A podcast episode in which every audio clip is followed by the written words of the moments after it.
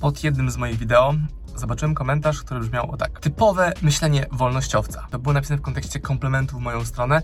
Zacząłem rozmyślać, co to naprawdę oznacza bycie tym wolnościowcem i wyszło mi, że bycie wolnościowcem to bycie przedsiębiorcą, czyli osobą, która bierze pełną odpowiedzialność za swoje porażki, ale również za swoje sukcesy. Moje podejście do tego, co teraz dzieje się na świecie jest takie. Od zawsze.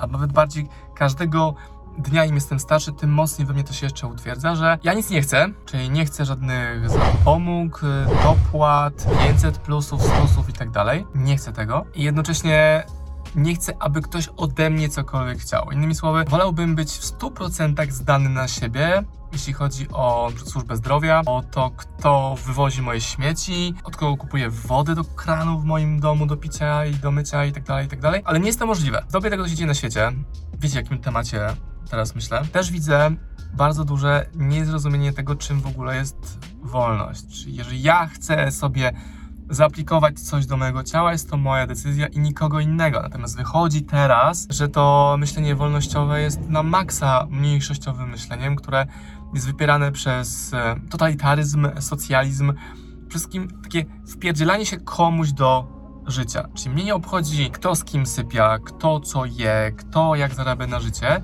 pod warunkiem, że to nie narusza mojej wolności, mojej integralności. No i można by oczywiście mówić, że idealnie byłoby, gdyby każdy skupił się na swoim, na swojej robocie, swoim domu, swojej firmie i swoim małżeństwie. Świat byłby piękniejszy, ale wiemy, że jest inaczej. Ktoś powie, no ale jak to ja sama mam dbać o siebie, a co na przykład w sytuacjach awaryjnych, gdy śmiertelnie zachoruję, albo moja już podeszła wiekiem mama, czy tata, czy dziadek, babcia też mocno zachorują, przecież to państwo opiekuńcze powinno dbać i że ta babcia tego szpitala sobie pójdzie i będzie dobrze obsłużona, albo, albo ja będę dobrze obsłużony. Tydzień temu urodziło mi się drugie dziecko i ja chciałem mieć możliwość zapłacenia za to, aby podnieść standard opieki nad moją żoną, moim przym dzieckiem i również nade mną, jako ojcu, który towarzyszył mojej żonie przy porodzie. I nie było takiej możliwości.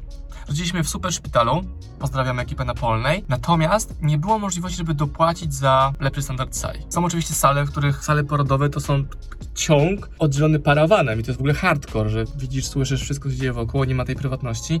To było super. Ale dlaczego ja nie mam możliwości zapłacenia więcej? Albo czemu nie ma oficjalnego cennika w szpitalu, że mogę dopłacić, nie wiem, pani położnej, szefowej oddziału, komuś tam za indywidualne podejście, albo dopłacić wręcz do tego, co będzie podawane jako obiad, kolacja i śniadanie mojej żonie przed i po porodzie, żeby miała standard nie nawet nie chcę mówić jaki, tylko żeby to był standard, standard normalnej no, restauracji, mogę powiedzieć, ale wyboru tego, co chcę właściwie sobie zjeść. I wydaje mi się, że wszyscy przywykli do tego, że no przy takich szpitalach, o co ci chodzi, no dobra, ale może mogło być inaczej. Dobra, ale jeżeli teraz każdy będzie chciał płacić, no to co się stanie z tymi najbiedniejszymi, którzy nie mają pieniędzy, żeby mieć opiekę zdrowotną, żeby kupić sobie co chcą, czego potrzebują? No właśnie.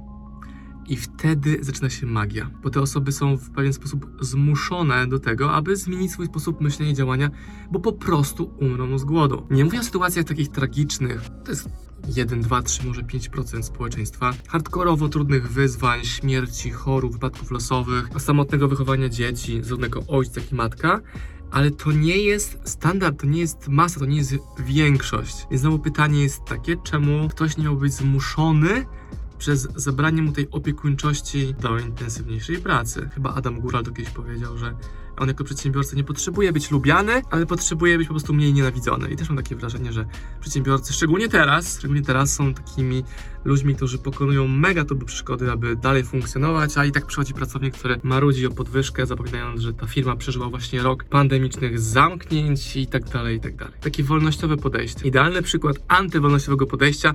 Nie wiem, czy wiecie, w Kalifornii, w samym Los Angeles, przeznaczone są gigantyczne miliony, dziesiątki milionów na walkę z bezdomnością. Los Angeles to nie jest tylko Hollywood i gwiazdy sławy, jest ogromny problem z bezdomnością.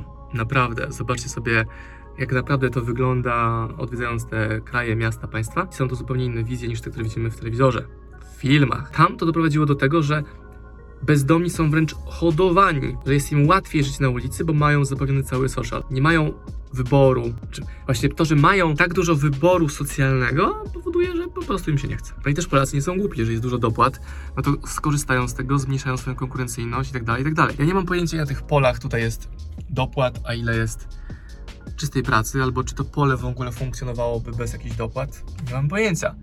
Ale co by było? Dodatkowo na maksa przeraża mnie to, że za każdym razem jak jestem w sklepie, to ciężko kupić jest mi coś polskiego. Kupowałem ostatnio rower i pytam pana, polska firma Cross, pytam pana, czy ten rower jest polski. I on mówi, proszę pana, w tym rowerze polskie jest tylko powietrze, a też nie do końca, bo napompowane chińską pompką. Nie musimy się starać, nie mamy tego stymula, stymulatora konkurencji. Drukowanie pieniędzy, inna bajka, dopłaty, inna bajka. I co by było, gdyby nie było żadnych dopłat w zeszłym roku? To byłoby więcej upadków, czy może właśnie mniej? No i moje wolnościowe podejście właśnie jest takie, że odwalcie się ode mnie, ja sobie sam poradzę, sam zarobię, a jeżeli na coś mi nie będzie stać, to znaczy, że na to nie zasługuję, bo mi na to nie stać, albo nie potrafię na to zarobić. Marcin Osman, jak się okazuje, przedsiębiorca wolnościowiec, który chciałby, aby cały świat tak wyglądał, a jednocześnie wiem, że jest to utopia. A ty jak rozumiesz wolność? Hmm? Napisz w komentarzu, jak ty rozumiesz wolność, bo może zupełnie inny sposób niż ja.